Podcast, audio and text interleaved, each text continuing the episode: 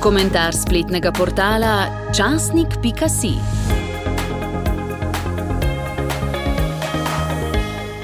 Pod naslovom V kakšnem okolju in družbi si želim živeti, je komentar napisala Mateja Peršolja. Strah je čustvo, ki ima lahko močan vpliv na naše ravnanje in odločitve. Ko v pričakovanju česa hudega, neprijetnega, strah sproži obrambni mehanizem, skoraj da ni več prostora za učenje, ustvarjanje in osebno rast. Verjetno ima vsak od nas izkušnjo, ko ob spraševanju učitelja ali nastopu pred tablo ni mogel izraziti svojega znanja. Sama se najbolj spomnim take izkušnje iz gimnazije, ko sem bila vprašana biologijo.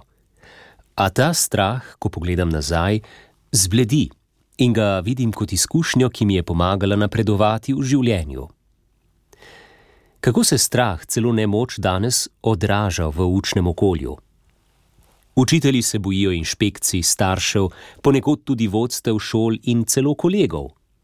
Strah jih je lastnih napak, ki bi jih lahko postavile v neugoden položaj. Izražajo tudi bojazen nemoči ob agresivnih otrocih in mladostnikih ter njihovimi preveč zaščitniškimi starši. Celotno dogajanje lahko privede do izgube nadzora nad učnim procesom in do prevlade enega vidika, prava, nad vsemi drugimi: avtonomija učitelja, poučevanje, odnosi.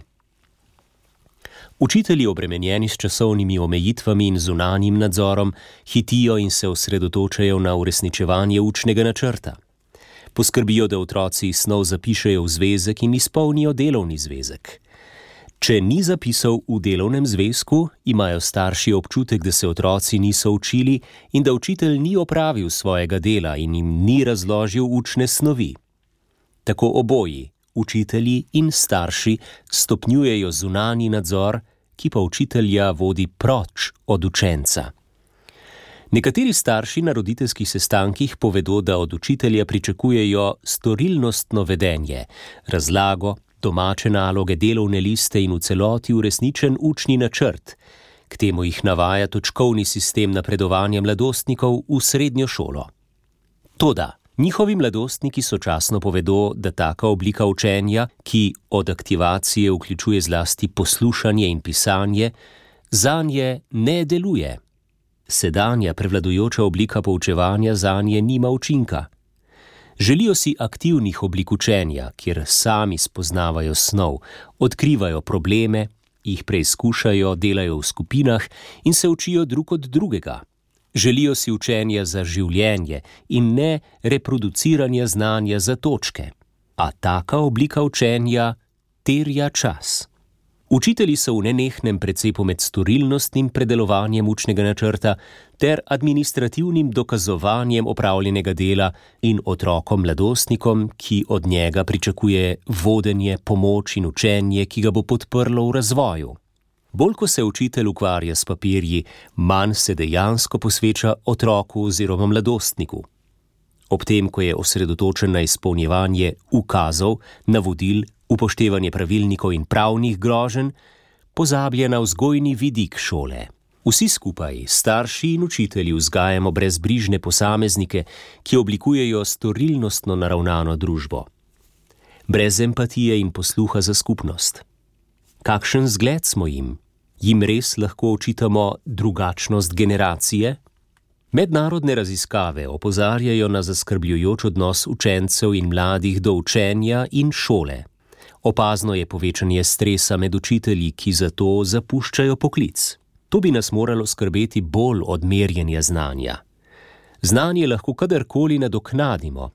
Veščin sodelovanja, iznajdljivosti, odpornosti, razmišljanja, dogovarjanja pa se pri 50 letih ne moreš priučiti. V družbi, ki je naravnana na storilnost, se povečuje nezadovoljstvo in vzgojne težave povečuje se občutek fizične in psihične izčrpanosti. Ob pomankanju vizije, vodenja, občutka skupnosti, organiziranosti, pa vajeti prevzame apatičnost, nemotiviranost, udanost v usodo. In to ne le mladih, temveč tudi pri tistih, ki smo jim zgled in ki smo za nje odgovorni. Tudi s šolo, ki jo imamo, smo ustvarili družbo, s katero nismo zadovoljni. Si to želimo tudi v prihodnje?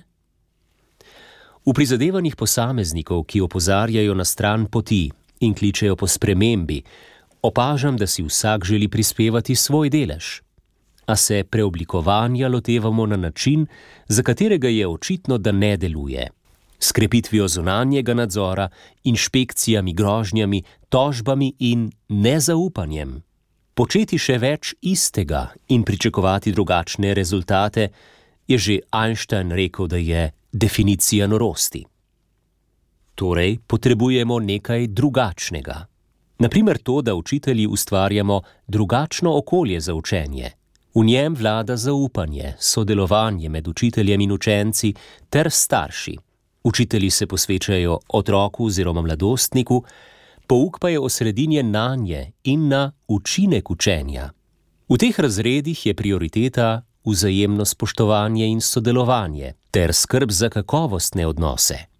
Gre za varno okolje, v katerem lahko vsakdo napreduje, tako učenec kot učitelj, pa tudi starši. V šoli se lahko vsakdo izrazi in je slišan, podprt. Ne samo strani učitelja, temveč tudi strani sošolcev. V tej šoli se lahko starši ali učitelji izrazijo in s sodelovanjem ter zgledom skupaj iščejo rešitve kajti učenja ni brez dobrega počutja. Slednje pa ne pomeni, da smo vedno stoodstotno srečni in nam je vse čas fajn.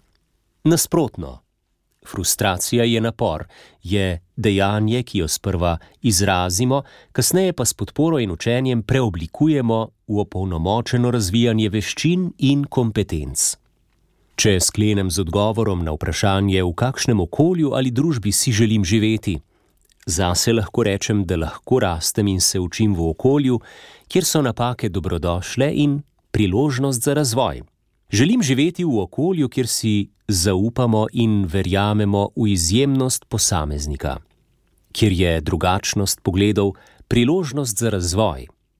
Želim si, da se večkrat pohvalimo za stvari, ki delujejo, in da damo priznanje drug drugemu za prizadevanja in dosežke. Želim si vodenja z zgledom in integriteto, kjer je beseda, ki jo dam, največ vredna. In je spoštovanje največje darilo, ki ga lahko poklonim sebi. Torej, namesto izključevanja, vključevanje in namesto kritiziranja, prispevanje. Ko prispevam, doživim največji občutek izpolnjenosti. Tako v svojem komentarju z naslovom, v kakšnem okolju in družbi si želim živeti, razmišlja Mateja Peršolja.